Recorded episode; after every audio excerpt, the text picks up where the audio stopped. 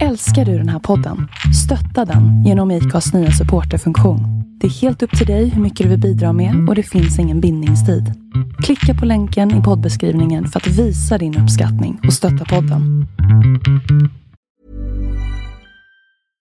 Hiring for your small business? If you're not looking for professionals on LinkedIn, you're looking in the wrong place. That's like looking for your car keys in a fish tank.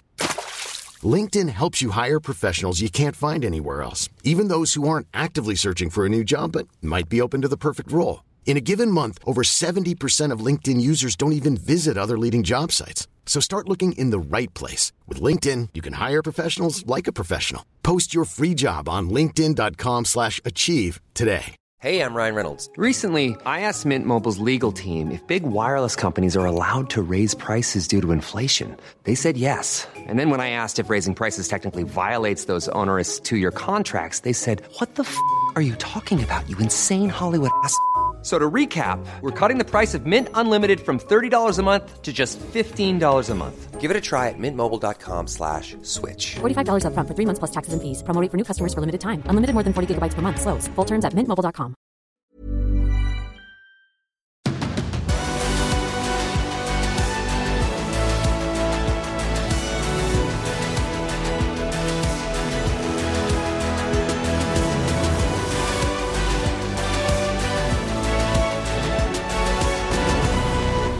Välkomna till eh, ännu en MotoGP-podd. Andreas Mårtensson och Tobias Lajon är igång igen. Någorlunda igång i alla fall. Hur är det med dig Andreas?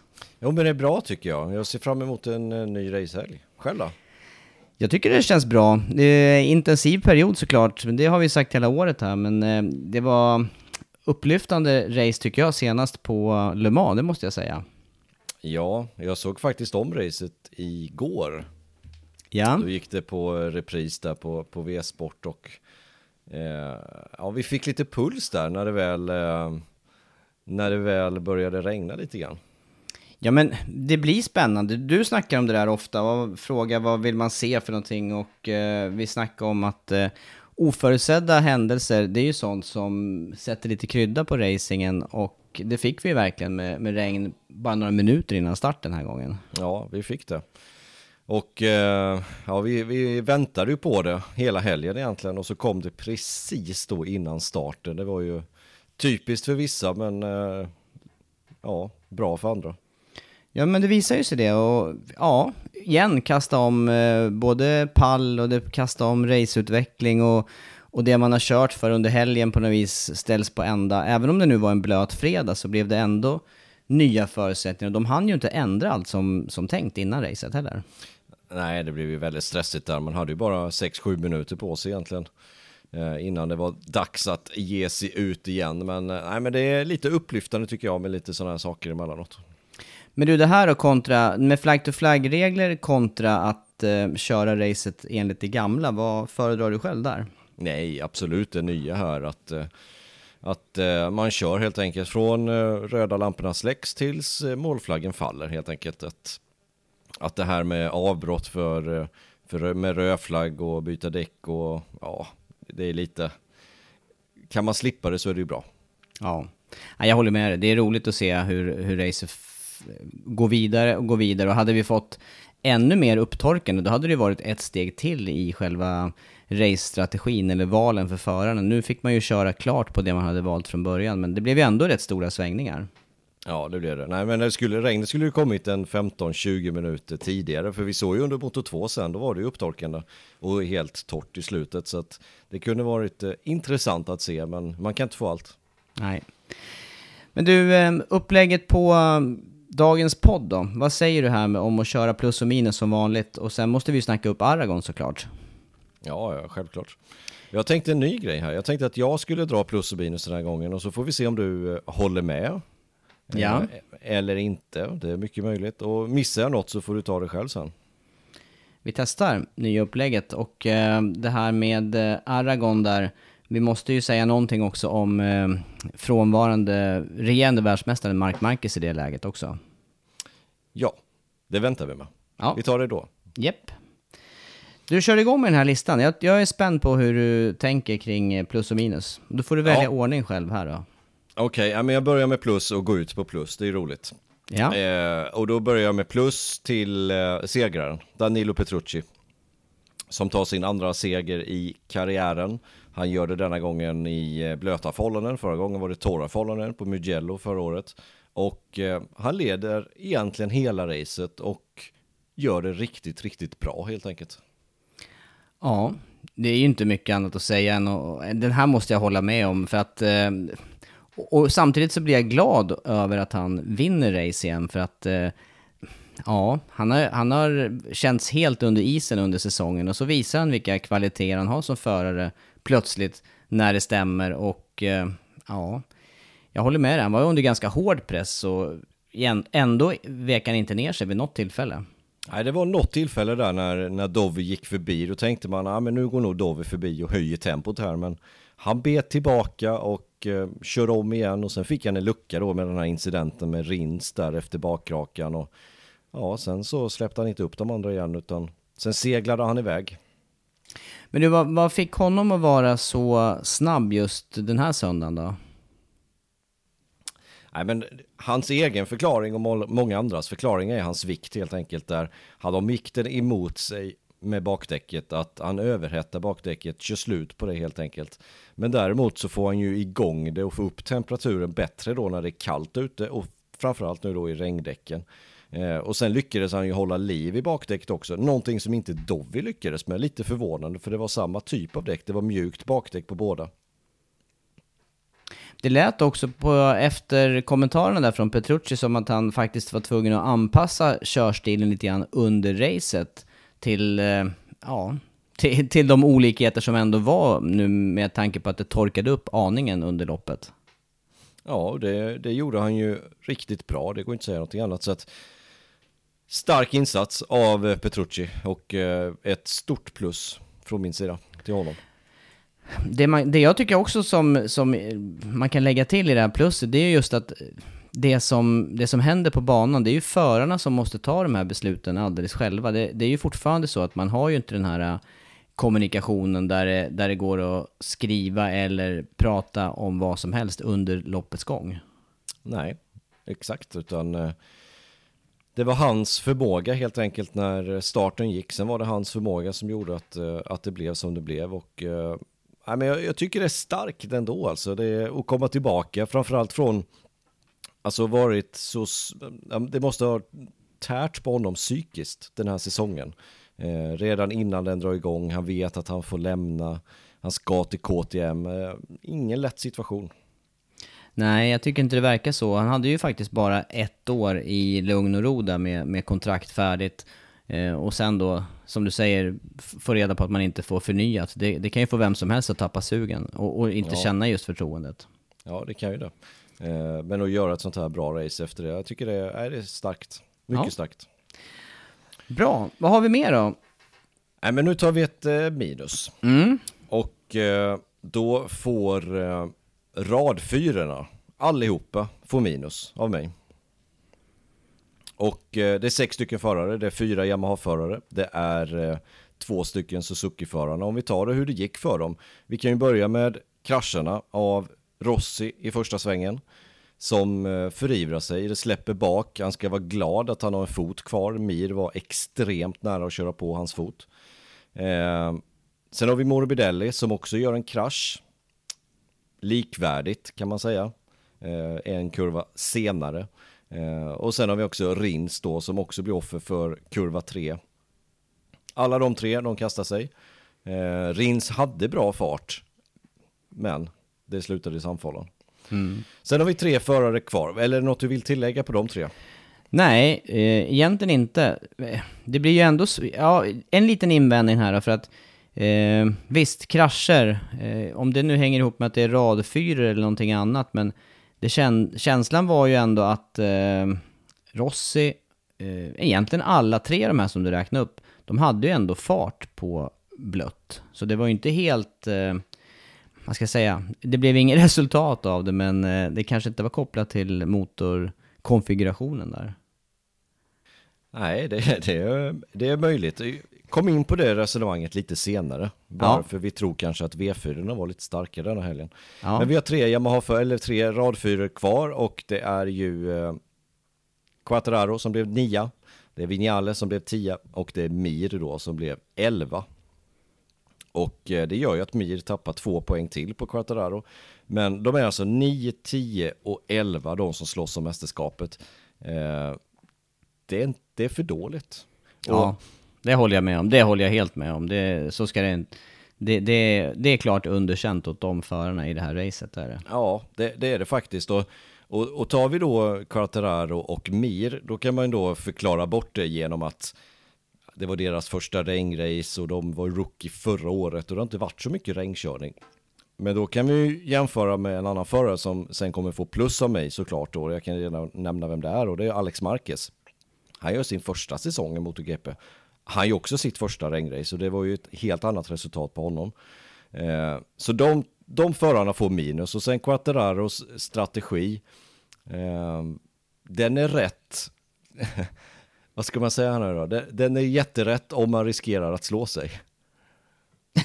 Eller vadå, att man, du menar att den är rätt utifrån att han, vadå, han, ska, han, han gör, han står på hjulen hela loppet igenom eller vad? Ja, men jag, jag, jag tänker på hans fredag egentligen, när han inte laddar överhuvudtaget, eller säger själv att han kör på säkerhet. Det vill säga att då pushar man inte gränsen. Pushar man inte gränsen så hittar man inte rätt inställning, rätt känsla. Och då är man efter sen när det väl blir race.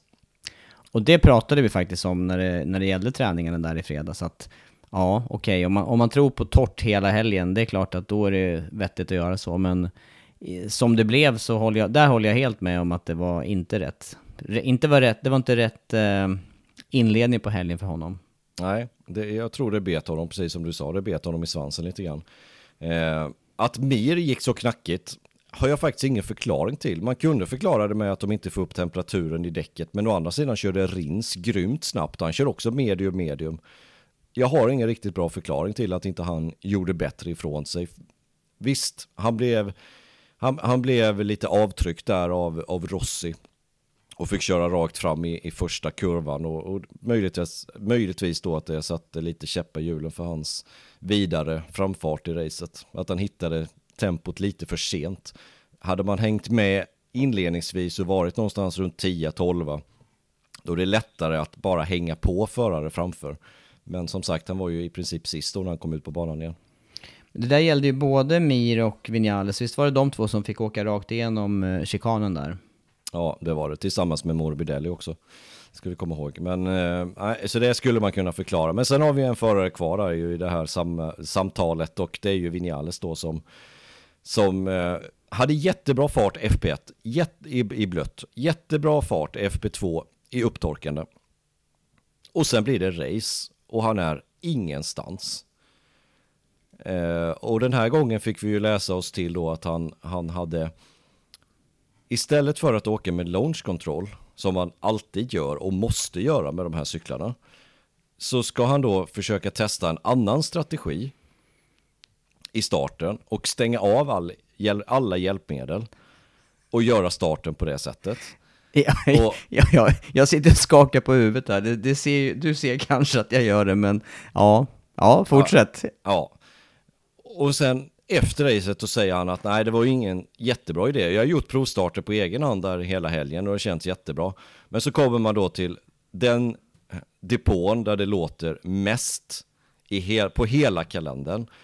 Alltså då måste en förare som Vinales med så många säsonger i ryggen och världsmästare i Moto 3 räkna ut att när man står med 21, 21 andra förare på griden då hör man inte sin egen hoj.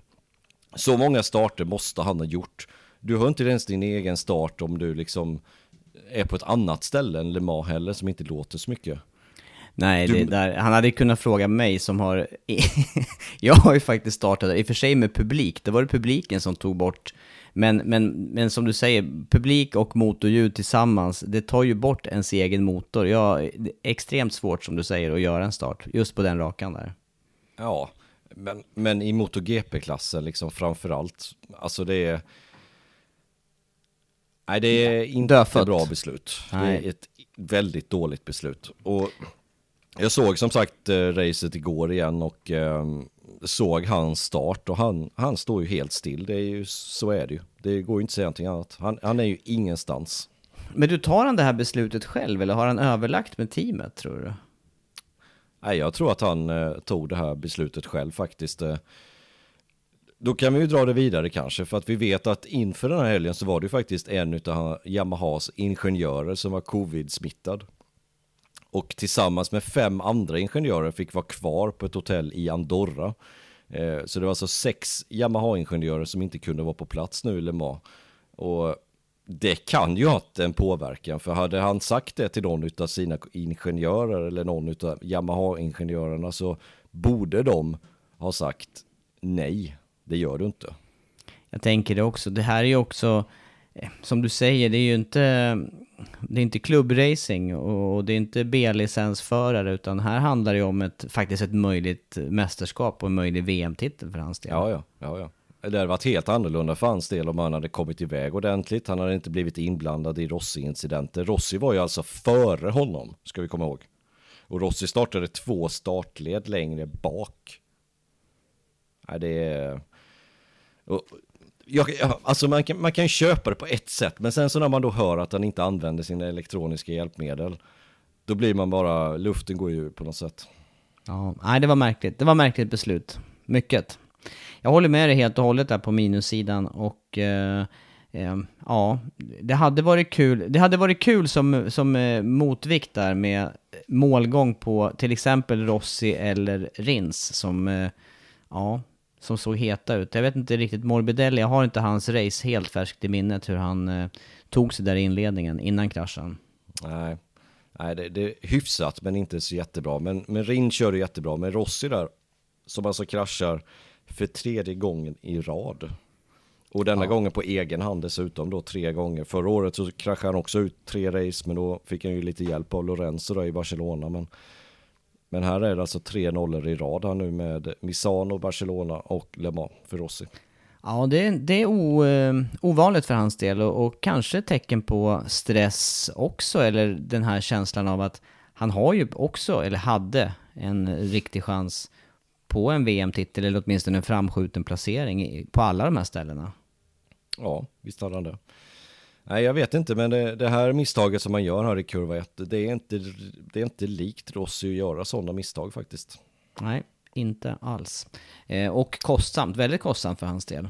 Ja, i mästerskapet var ju nästan kört innan, men nu är det ju helt kört efter det. Men vi kan konstatera i alla fall att V4 var alltså topp 8 i, i det här racet och eh, på FP4 där var då testa racingställningen, då var det fyra Yamaha topp fyra. Så att det är ett väldans skifte när det väl blir blött. Och eh, jag kan bara förklara det genom att en, en V4 åker man med V-format också in i svängarna. Så man, man bromsar hårt in i svängen, vänder runt ganska tvärt och sen så accelererar man ut helt enkelt. Och då genererar man också temperatur i däcken kurvhastigheten som V4 eller som rad vill ha, det kan man inte riktigt använda sig av i de här förhållandena. Och att, och att det då skulle kunna förklara varför det såg ut som det gjorde. Men en annan sak som också kan göra att det ser ut som det gör det är för att de förarna som var där framme i täten, de är riktigt bra regnförare. Ja, ja, och det är både, där är det som du säger, det är både förarkvaliteter men också motorcyklarna där. Och de här kurvhastigheterna du pratar om där, det är, det är också ett sätt, och den här mer V-formade körningen är ju på ett sätt säkrare, tycker jag personligen när det kommer till regn, för det, du har ju kortare tid med nedlägg också. Ja, ja exakt. Ja, nej men jag köper den där, jag köper den där uppställningen där. Eh, ja, vad bra. Nyfiken på nästa steg, vad har du funderat ut? Vi tar ett plus här då. Mm. Och eh, jag har redan nämnt honom och det är Alex Marquez. Som alltså startar eh, någonstans i Le Mans city. Någonstans där. Vid katedralen. Faktiskt. Eh, och kör upp sig till en slutlig andra plats alltså. Och eh, tar sin första pallplats i karriären i MotoGP. Och eh, visar med det tycker jag att han verkligen hör hemma i den här klassen. Det där är ju jättevast resultat. Som förstaårsförare svårkörd hoj, svåra förhållanden och en klockren uppkörning. Så att absolut på plussidan. Det var roligt. Eh, kom ändå lite oväntat måste jag säga. För att jag tänkte nog på honom som eh, lite som vi snackade om Quartararo, de har inga regnrace under bältet och då, ja, jag, hade, jag hade svårt att se det där komma innan faktiskt. Ja, det hade jag också. Eh, men han gjorde det grymt bra och han förtjänar ett stort plus. Hur mycket ligger det då på föraren? För att jag tänker också det här med eh, kontra Moto 2. Eh, han var duktig att köra på regn i Moto 2. Sen har man mera hjälpmedel i MotoGP. Borde det inte rimligtvis vara lättare att köra en MotoGP-cykel på, på blött då? Jo, det borde det vara. Eh, och sen såg vi även under helgen hur få krascher det var i MotoGP med just regndäck jämfört med Moto 2 och Moto 3. Där, var det ju, där slängde de sig hela tiden. Vi såg först en träning i blött med Moto 3. Då var det ju ja, var det 17 krascher eller någonting. Och då trodde vi oj, nu är det halt, nu kommer det hända grejer i MotoGP. Och så var det noll krascher. Så man bara okej. Okay. Men det är ju ett stort plus för Michelin och med hjälpmedlen som man har. Mm. Du, kommer det att förenkla fortsättningen här på säsongen? Där vi har ju faktiskt också regn, förutom regnresultaten nu på Marcus, eh, så har han ju också successivt varit snabbare under torra förhållanden. Mm, det har han. Eh, så det blir kul att se honom i helgen här nu, för nu, nu kommer han hem till sin absoluta hemmabana. Han bor ju bara en och en halv timme därifrån, från Aragon. Och eh, det ska bli intressant att se han där. Hondan går ju uppenbarligen bra där, för Marcus var ju total, alltså Mark Marcus var ju total överlägsen förra året. Eh, så det ska bli kul att se honom på hemmaplan nu. Två helger efter varandra, det borde gynna honom åtminstone andra helgen då när han får en upprepning igen. Mm. Ja, spännande att se om han kan få lite ett eh, genombrott och, och kanske tysta lite av kritiken som eh, den kanske har gällt egentligen hela Repsol Honda, men nu var ju faktiskt både Alex Marquez och Stefan Bradel var ju också hyfsat med i racet måste vi säga. Ja, absolut. Jag tänkte på det, tog de så många poäng under en racehelg förra året som de tog den här helgen? Ja, det är tveksamt nu med båda, dels en pallplats här och sen åttonde plats på Bradel blev det till slut. Nej, jag, jag tror inte det. Utan att, utan att sitta med facit så tror jag knappt det. Det är 28 poäng då. Ja, för Marcus fick ju ihop 25 då som bäst. Och sen var det inte mycket mer där bakom. Ströpoäng, ströpoäng på Lorenzo. Ett, ett gäng gånger fick han ihop 25 gånger ja. poäng. Men 28 lyckades han inte med. Inte ens Nej, han. Inte ens han lyckades det med. Man får ju inget extra för Inget extra för Pool eller något liknande. Vi ska se här, Lorenzo. Ja, han fick ihop tre poäng i Qatar, men då vann ju inte å andra sidan eh, Marcus. Så att, eh, vi, får, vi får forska i det. Men du, någonting som, jag slog, som slog mig nu när du sa att Alex Marquez startar nästan in i, i stan där. Så vi hade ju faktiskt en förare, inte i MotoGP, som startade ännu längre bak. Vad hände egentligen där efter eftersnacket kring Roberts. Jag har inte hört eller sett någonting om det där. Nej, jag har faktiskt inte läst heller, men det var ju en... Eh, Antingen, antagligen så skäms de, tror du inte det? Ja, jo, det, det var ju en skandal var det ju. Ja. Att eh, dels att han får åka ut den vägen han åker ut. Eh, och att de släpper ut honom till att börja med, för att han var ju alldeles för långt efter fältet ut på warm-up löp. Men sen då när de har gjort det misstaget, att de inte stoppar honom, alltså att de inte väntar med starten. Utan tills han hinner komma den här, det hade dröjt 20 sekunder till någonting, utan de släpper fältet så att han är ju tvärsist och får en rullande start. Jag har faktiskt aldrig sett det på den här nivån. Nej, inte jag heller. Det var, det var så märkligt så jag kunde inte ens... Ja, nej, det gick inte heller att förutse att det skulle kunna ske överhuvudtaget. Nej, det var märkligt. Ah, ja, Ja, nej men han startade långt bak också. Det gjorde även Alex Marquez där som du säger. Ja, stark, eh, stark helg av Alex Marquez. Det är lätt att ge honom ett plus. Ja. Eh, jag har faktiskt bara ett minus kvar. Jaså? Ja. Men du hade ganska många namn. Du, alltså, i, I och med att du valde rad fyra där så var det ändå tio. Du svepte ju med den sex förare. Det är nästan strike på V4, eller på rad fyrorna. Ja, nästan på var det så. Eh, mm. Men nästa minus, det går till Hej, jag Ryan Reynolds. Recently, I asked Mint Mobiles legal team if big wireless companies are allowed to raise prices due to inflation. They said yes. And then when I asked if raising prices technically violates those onerous two-year contracts, they said, what the f*** are you talking about, you insane Hollywood ass?" So to recap, we're cutting the price of Mint Unlimited from $30 a month to just $15 a month. Give it a try at mintmobile.com slash switch. $45 up front for three months plus taxes and fees. Promoting for new customers for limited time. Unlimited more than 40 gigabytes per month. Slows. Full terms at mintmobile.com. Hey, it's Danny Pellegrino from Everything Iconic. Ready to upgrade your style game without blowing your budget? Check out Quince. They've got all the good stuff shirts and polos, activewear, and fine leather goods, all at 50 to 80% less than other high end brands. And the best part? They're all about safe, ethical, and responsible manufacturing. Get that luxury vibe without the luxury price tag. Hit up quince.com slash upgrade for free shipping and 365 day returns on your next order. That's quince.com slash upgrade. Hey there, it's Michelle Norris. I'm host of a podcast called Your Mama's Kitchen. When I travel, I'm usually looking for a way to find a taste of home when I'm not at home. And one of the things I love to do when I am at home is entertain. And Airbnb allows me to do that. When I was in California recently, I rented a house that had a great kitchen. And when we were sitting around the table, we were all thinking, we're in someone else's house. Someone could be in all of our homes as well. If you have a home, but you're not always at home, you have an Airbnb. Your home might be worth more than you think. Find out how much at airbnb.com/slash host. Dovizioso som eh, missar pallen. Han blir alltså fyra i det här racet när hans teamkompis går och vinner. Och eh, det är helt enkelt för dåligt för Dovizioso om man vill vara med och slåss i mästerskapet. Han hade ju behövt, eh, ja, han hade ju behövt vinna. Jag trodde att det, att det skulle bli en ordentlig fight där mellan eh, eh, Petrucci och Dovizioso, men eh, mm, någonting var det som skevade. Ja, visst hade de samma däckval han och eh, Petrucci? Nej, det skiljer lite i framdäcket där Dovi körde mjukt framdäck. Medan eh, Petrucci körde medium fram. Men eh, det, var ju, det såg ut som att det var bakdäcken som gav sig helt och hållet för, för eh, Dovizioso. Och det gav ju sig inte för Petrucci. Så att, ja, lite, lite märkligt kan jag tycka. Men det kändes som att han var på gång där ett tag. Han var på väg ikapp Petrucci förbi där ett kort tag.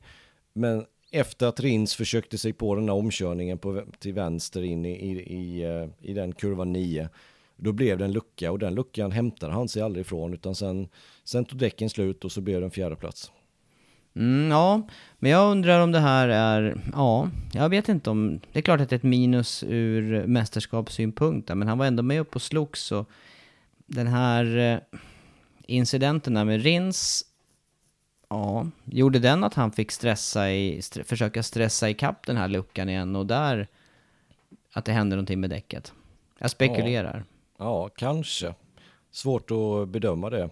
Nej, men anledningen till att jag ger honom ett minus är att, att favoriten i racet, det var Quattararo. Han ledde också mästerskapet. Och hur den hade blivit i torra förhållanden så hade Dovi tappat poäng på Quattararo. Det är jag ganska säker på. Och nu blev det regn. Då har han världens möjlighet, för han är regnkungen. Kommer du ihåg racet på Motegi här för ett par säsonger sedan? I regn, i blött med Marquez. Det var ju helt fenomenalt ifrån Dovizioso att vinna det racet. Det var när han körde om där i sista sektorn. Ja. ja.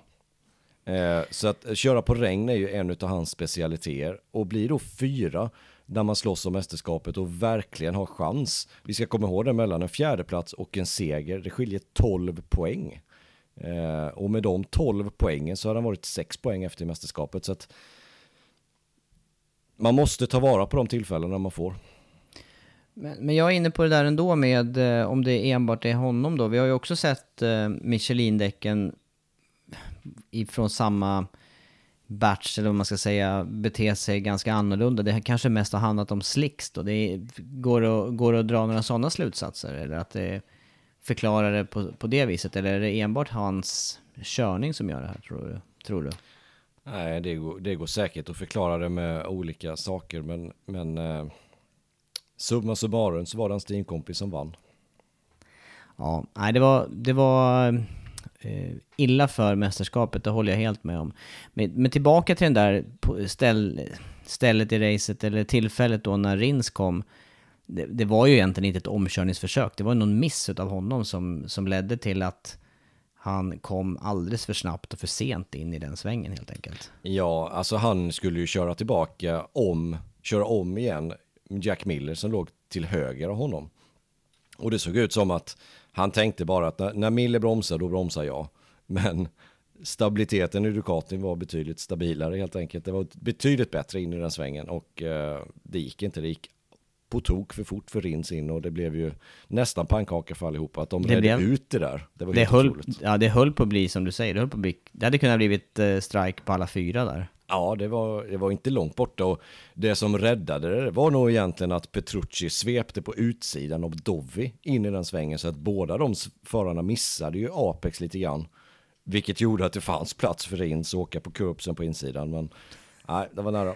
Hyfsat farligt. Jag tror att eh, jag uppmärksammade en ganska lång wheelie utav Rins innan där också. Att han, han- det var ju både som du sa någon slags duell med Miller och honom och sen även då att han kom på bakhjulet lite för långt in mot sväng där som gjorde att det blev Ja. sent. Ja. Men, jag, men jag tänker att just det tillfället där störde ju Ja, det, det är en förklaring som jag efterhand tänkte att det där, det där påverkade Dovis race kanske mer än vad vi förstod. Eh, ja, jag är med på halva. Jag är med på halva minuset där. Ja, då. Så att jag inte bara sitter också- och håller med. Nej, nej alltså det, det, på något sätt så räddade det lite Dovis säsong här att det blev sådana här förhållanden och han inte tappade 10 poäng på, på Quattararo för då hade det blivit ännu värre. Nu tog han ju in poäng på Quattararo så att det, det blev så bra det har kunnat och, och nu kommer vi till Aragon två helger. Där blev han tvåa förra året, bara slagen av den föraren som inte är på plats. Så att, eh, ja, det kan, det, det kan ändå öppna sig möjlighet för Dovi. Men det Även gäller att det jag har- funkar där. För sen, för sen jämnar det ut sig med Valencia. Där tror jag inte Ja. att eh, Ducati har så stora chanser. Nej, nej, Där kan han tappa Det- mycket det, poäng. Där får han nästan hoppas på regn. Ja, det är väl lite så. Eh, ja. Ja. Ja, nej men det var alla minus jag hade. Du får komma tillbaka till om du hade fler minus. Men jag tänkte att jag ska avsluta på plussa nu. Ja, Och ehm, då ska jag ge Jack Miller ett plus. Och det ska jag göra för att han kvalar alltid bra. Det är jättebra att kvala bra. Eh, och han är alltid med i början av racen. Han gör alltid en bra start. Denna gången så var han ju fyra hojlängder före den som var tvåa såg jag på reprisen igår in i första svängen. Och sen låg han med där. Och sen hade han lite otur. Igen. Mycket otur.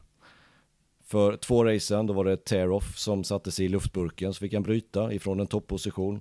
Den här gången så var det motorn som gav upp. Tack vare att det blev regn. För att han hade uppmärksammat ett problem med den här cykeln redan på warm-upen. Och då valde de den andra cykeln till racet. Men då blev det regn och då hann de inte ställa om första cykeln till regnsetup utan fick välja den här cykeln istället där han då blåste motorn efter ett gäng varv. Så oflyt för Miller, men han kör väldigt bra nu tycker jag. Sen måste han få till däckslitaget. Han måste bli lite starkare på varvtiderna i snitt hela tiden. Hålla ett lite bättre snitt på varvtiderna på träningarna. Eh, så att han kan få till de här bra inställningarna och hänga med i racet också. Inte bara köra slut på däcken och backa utan gärna åt andra hållet. Mm. Men jag håller med dig där, det är ju det är bättre att utgå ifrån eh, en bra startposition. Som du säger, det där, eh, det där steget som han har kvar att jobba på, det borde vara lättare att uppnå med tanke på att det är ju, har man förmågan att köra fort, då, då borde det gå att reprisera de här, eller återupprepa de varvtiderna tycker jag. Ja, jag håller med. Jag tycker det också. Ehm, för farten har han. Första startled, det var ju inget snack om det i, i, i lördags. Eh, visserligen han var två tiondelar då efter till slut Quattararo som satte sitt snabbaste på sista flygande varvet. Så att bra kval och eh, racestarten perfekt ifrån Miller. Eh, och sen hänger han med de andra Ducati-cyklarna så bara ut som att han väntade egentligen. Men ja, sen hade det här med motorn då. Mm, grym motor för hans del. Det hade, varit, det hade varit väldigt roligt att se honom hela racedistansen för att som du säger där, han visade ju i alla fall inga tecken på svaghet någon gång under eh, loppet så länge han var med. Nej, nej det gjorde han inte. Nej, han får mitt eh, plus och eh, med det avslutar jag mina plus och minus. Och nu får du, eh, ja, nu får du komma in här och säga vad du, om du har någon extra plus eller minus, det vill säga. Nej men jag tänker, ja, jag tycker faktiskt att det är ett extra stort plus för, eh, för hela mästerskapet. För hur man än vänder och vrider på det, ur min synvinkel så vill jag se möjlighet för många att vinna race. Jag vill se möjlighet för många att vara på pallen. Eh, olika fabrikat, eh, spännande raceutvecklingar och ja men sammantaget här nu så är vi ju någonstans i en, en era där det är, eh, ja det är både oförutsägbart, det är jämnt och vi får eh, action i, i princip i varenda racehelg. Så att för hela mästerskapet skulle jag vilja ge ett stort plus faktiskt. Ja, jag kan inte mer än instämma. Nu har alltså sjunde olika segran här nu på nio stycken race. Det är bara Quattararo som har vunnit fler än en gång. Han har ju visserligen då vunnit tre gånger. Eh, men alltså sju olika vinnare, det är, det är strångt.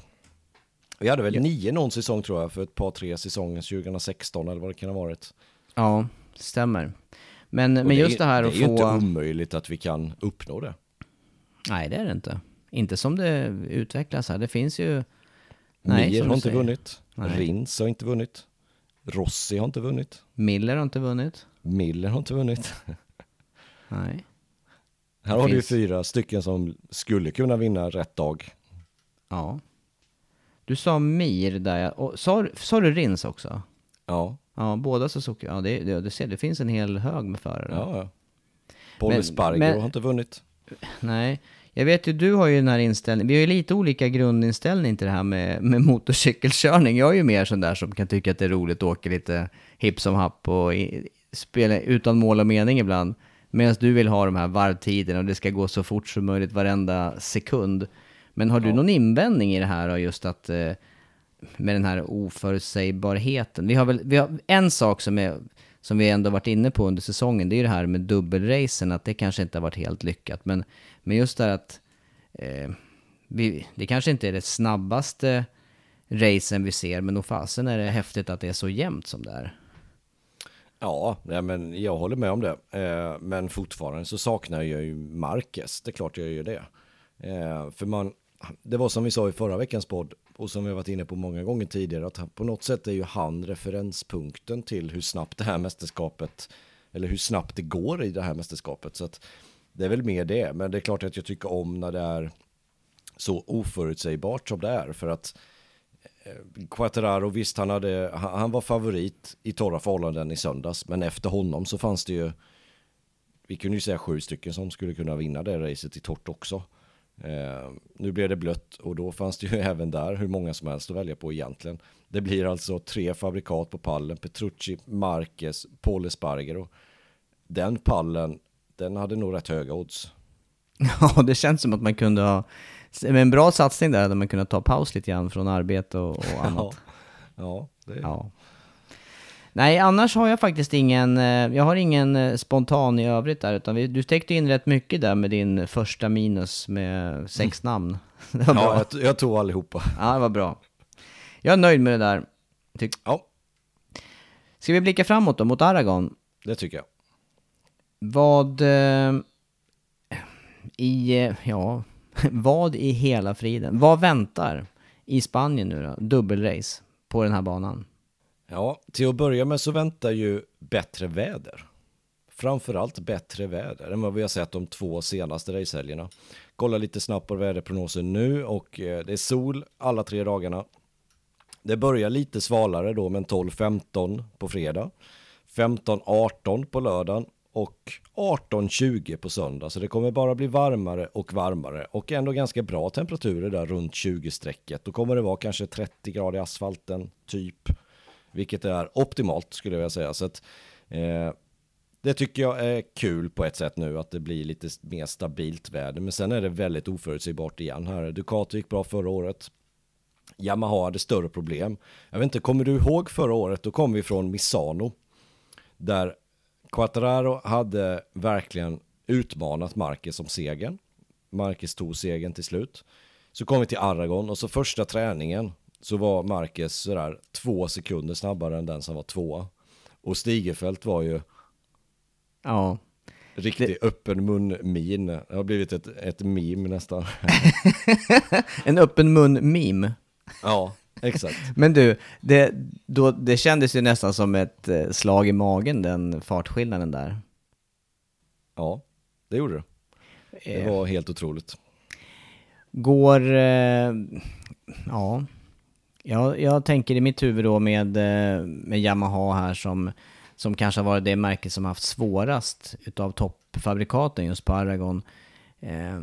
ja, förhoppningen då att det ska gå lite bättre fartmässigt och att det ska vara aningen jämnare så att det inte blir helt eh, toppfartsberoende den banan. För nu kommer ju också den, den raksträckan ligger ju så till på, på varvet att det är kritiskt med en hög toppfart. Ja, ja men eh, absolut. Du kommer ihåg förra året där, jag tror det var Vinjale som krigade med allt han hade om en pallplats. Men det räckte inte för Miller, han bara gjorde sådär på raksträckan, alltså gasen i botten och sen var han förbi.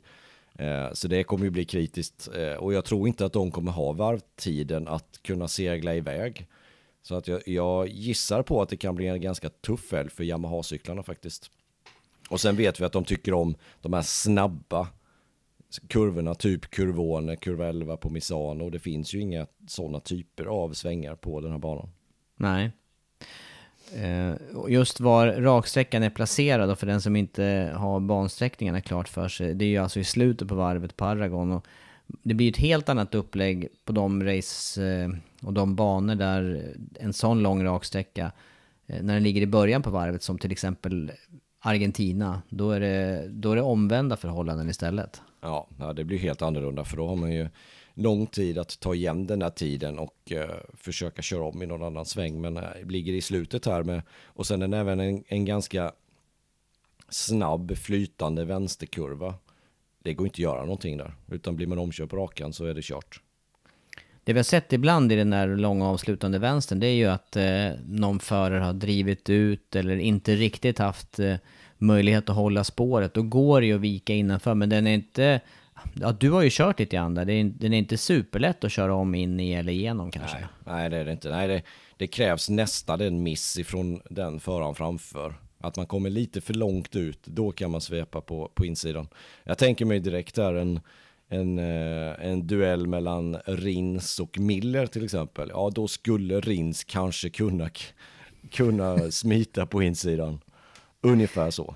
Ja, ja, just att Miller är lite överentusiastisk och driver ut och, och Suzuki kan ta tajtare spår. Ja, exakt. Men det, ja. det ska bli intressant att se Suzuki nu.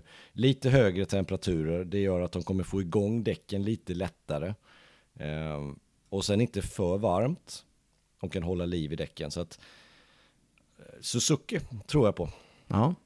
Men vi pratar ju så här också utifrån att varvtider och differenser mellan förarna, de är ju väldigt små. Och det här gäller ju både kvalen eh, och till viss del också under racen. Så att det är ju inte otroligt att, att racet eh, avgörs i slutet just med någon duell där efter rakan. Nej, det är det inte. Och sen som vanligt så kommer ju kvalet bli extremt viktigt. Och Aragon är en annan, det är en helt annan typ av inledning. Det är en kort acceleration till första sväng, men där är ju problemet att det är så trångt första kurvan. Ja, ja visst är det det. Där vill man inte stå i tredje, fjärde startled, för då, där är det ju som trängst helt enkelt. Så att där vill man verkligen stå i de två första startleden och sen blir det lite ledkörning mot, mot den här vänsterkurvan, kurva 6 eller vad det kan vara för någonting. Eh, där är nästa bra omkörningstillfälle. Mm. Och sen vidare då, om man pratar om omkörningsställen, vad finns det för tydliga omkörningsställen förutom det du nämner nu?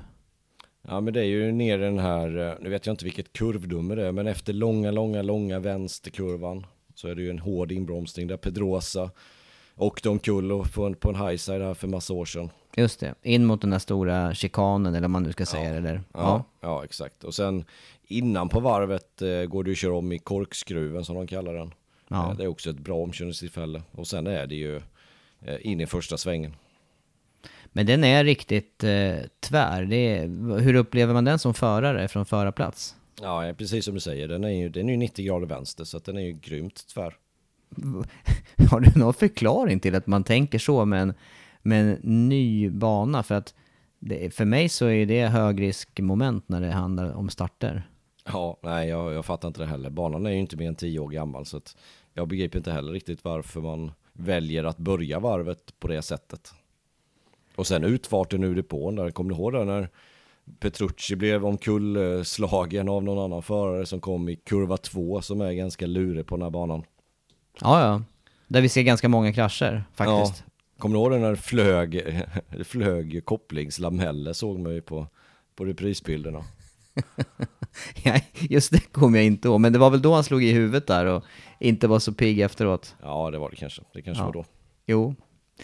Ja, men eh, Suzuki lyfter du fram då, och de är ju ett bra allround-paket. Egentligen skulle man väl kunna säga Suzuki på, på många banor, som det har sett Ja. ut under året också. Ja, faktiskt. Det verkar vara att det är i, i svala, temper- kalla, svala temperaturer så verkar det vara mer problem. För då får de verkligen inte däcken att komma igång i fönstret. Eh, lite varmare verkar vara bättre för då kan de hålla liv i däcken istället. Så att, ja, det, det kommer att gynna dem, eh, det här klimatet som kommer vara nu jämfört med Le Mans förra helgen. Jag som inte är så tekniskt bevandrad i det här nu då, vad, går, det, går det att förklara på något sätt det här svårigheten att få upp eh, däcken? Är det, är det kopplat till motorcykeln eller är det kopplat till förarna? Nej, det är kopplat till motorcykeln. Hur väl man sliter däcken helt enkelt. Eh, och det har väl, jag, jag kan inte peka på exakt vad det är, varför det är på det sättet, men det har ju med liksom geometrin i cykeln att göra. Eh, att vissa hojar sliter mer och vissa sliter mindre. Och sen är det givetvis eh, upp till motorn också att, att leverera på ett sånt sätt så att det sliter så lite däck som möjligt. Ja, och har ju- elektroniken hjälper ju till på det också. Det har ju varit markant i alla fall hur starka de har varit i slutet av racen. Det har ju varit Ja. klart övertag. Det har det. Men du den här, eh, apropå minnas tillbaka då, Aragon, jag minns ett tillfälle när det var bra förutsättningar överallt utom just runt banan där, när allting bara låg inbäddat i en dimma. Det låter ju som att det skulle kunna vara den här första dagen här med lite lägre temperaturer, om det då är klart samtidigt, det låter ju som att det skulle kunna vara lite risk för sånt. Ja, det skulle kunna vara. Det, det står alltså ner mot en fyra grader någonstans sådär på, på natten. Så att, eh, ja, inte omöjligt. Jag har inte tänkt på det riktigt. De Men du kommer ihåg den där- gången? Ja, jag kommer ihåg den gången. Eh, jag har ju varit där några gånger och, och varje gång jag varit där så har det egentligen varit hård vind. För det blåser extremt mycket där alltså. Eh, någon gång så var det, ja det, vinden vände sen till racedagen och det, jag tror inte jag satte inbromsningarna en, ett enda varv där på, på warm-upen på söndagen. Det var, var helt omöjligt när man hade vant sig vid den här hårda vinden på andra hållet dagen innan. Ja, det var motvind kontra medvind ungefär? Ja, eller? exakt. Ja, exakt. Det var motvind på, på fredagen och lördagen och så var det medvind istället på, på söndag. Det var, ja, det var konstigt. Ingenting stämde med utväxling Nej. eller någonting? Nej, ingenting. Ingenting. Det här med hemmaplan nu då, det återstår i mästerskapet fyra race i Spanien och och ett i Portugal. Det är ju verkligen hemmaplan för eh, en stor del av startfältet. Spelar det någon roll nu egentligen när det är eh, eh, utan publik? Nej, det gör det egentligen inte. Eh, Det blir lite närmre hem för, för vissa utav förarna. Som, som jag sa, Marcus bor ju bara någon en och en halv timme ungefär ifrån den här banan. Eh, Men nej, de, är så vana vid att resa och, och de är så vana vid de här banorna också. Eh, Nu blir det ju lite annorlunda då när man tar sig till Portugal. Det är första gången för de flesta att köra där nere. Så det blir ju intressant. Men de här nu, eh, Aragon och Valencia, det är, det är strunt samma tror jag. Får vi se Mark Marquez på besök då på banan igen? Ja, kanske. Kanske. Hur sugen, är, hur sugen är han på att komma tillbaka i salen? Det måste han ju vara sugen på i alla fall. Han är nog jätte, jättesugen på att komma tillbaka. Eh, men han eh, tar sin lilla tid och såg ändå lite bilder så där. Han tränar nog ganska hårt nu verkar det som. Men vill nog vara 100% när han kommer tillbaka. Och jag har svårt att se att han kör då, om han inte kör denna helgen, vilket han inte gör. Så jag har svårt att se att han kör nästa helg också. Utan då tror jag han ger det tre veckor och sen så förhoppningsvis får vi se han i första Valencia istället. Ja, eh, just för eh, mästerskapets del där i år så kommer han inte ha någonting att göra med, eh, med utgången. Inte för sin egen del, men däremot kan han vara med och ställa till det poängmässigt i slutet på året då. Det kan det ju vara. Nu är det ju ingen annan Honda-förare som är med och slåss egentligen. Det är ju Nakagami där på femte, men, men han har ju ingen att hjälpa på det här sättet heller. Nej, det har han inte. Ehm, ja, nej, jag tänker, jag tänker som du där med, eh, med Aragon att uh, väderförutsättningarna, det är klart att det blir roligt att se en, eh, en helg där det är bra förutsättningar. Om man nu ska lägga till något önskemål då, om det är två helger på raken och vi har eh, inte alltid varit nöjda med den andra helgen, det har blivit mer statiskt, då kanske man ska önska sämre väder till helg två Ja, det kan man hoppas på. i så fall. Någon skillnad. Någon skillnad ja. Ska vi Ja. tippa? Ja, vi tippar. Jag tror att Mir kommer ta sin första seger nu i helgen. Jag tror att det blir Mir, jag tror att det blir Dovizioso och jag tror att det blir Miller på pallen. Spännande. Den där, blir, den där kan bli bra pengar på. Om du, satsar, om du satsar så. Vad snabb du var. Det här, du har ju tänkt igenom allting. Nej, detta har jag inte tänkt. Jag tog det bara nu rätt upp och ner. Det går inte att tänka för mycket, det blir bara fel då. Ja, det är sant. Ja, men har, jag har varit inne på Ducati här länge och jag tror, eh, jag tror till och med något steg, jag, jag skulle satsa på, jag vill också, vill tro att det kan bli en ny segrare. Och eh, Miller har ingenting med mästerskapet att göra. Jag sätter Miller ända upp då. Får vi se. Att han tar, hela, att han tar sig hela, steg, hela vägen upp. Eh, och sen kommer han att eh, utmanas utav... Eh, ja, jag vill tro att... Jag, ska, jag ska ta med Suzuki, men jag ska ta Rins högre. Han har varit stark i, på den här banan tidigare i Moto 2 och jag har inga riktiga Moto GP-resultat där på honom, men jag sätter Rins på andra. Miller, Rins. Och sen... Eh, mm, ska det få med någon Yamaha där på pallen också? I så fall Prova. är det ju... Ja, prova. Quartararo. Oj, nu har vi helt olika här. Ja, det är bra. Det är bra. Ja, det här är ju Har du, tidigt. några, no- har du några noteringar på hur du gick i helgen? Vad sa vi förra veckans podd? På... eh, Alltså på eh, vad vi tippade. Ja, Men vi tippade ju... Du tänker på hur vi tippade när vi gjorde podden? ja exakt. Ja, det har jag någonstans här. Jag ska se. Ja, du får bläddra i dina papper. Jag, jag som är lite... Fick du det sagt? Analog. Hör prasslet Andreas. Ja, jag hör det. Vi kan ju tillägga att vi sitter ju inte på samma plats här, så jag har ju superteknik... Eh, jag är superteknisk idag. Lyckas få igenom det här. Eh, Har du bläddrat vi- fram till rätt sida eller? Ja, jag har bläddrat fram till rätt sida, men jag kan inte ha skrivit någonting här. Nej. Nej. Jag har bara... Nej, jag, vi skrev, jag skrev aldrig upp tippningen. Nej, Nej då får vi lyssna på förra veckans podd. Klantigt. Ja, vi får göra det. Ja, dags Ja. avrunda. Ja, V-sport eh, motor är det som gäller och det är eh, vanliga racetider, det vill säga uppsnack 13.25, racestart 14.00. Det blir bra. Det har varit en, ett stort plus den här säsongen jobbmässigt att ha Europatider nu. Kommer du ihåg hur det har känts de andra åren när vi har eh, gjort Asien-race och varit hemma i Stockholm? Ja, och det är precis vid den här tidpunkten dessutom. Det är faktiskt, skönt bland, att det, det, det är faktiskt bland det jobbigaste eh, att göra. Jobbmässigt är det tungt de där timmarna tycker jag. Ja, det är bättre så här. är Europeiska tider, det är bra. Ja, fint. Då avrundar vi för den här gången och så ser vi fram emot en, eh, en ny MotoGP-helg alldeles strax.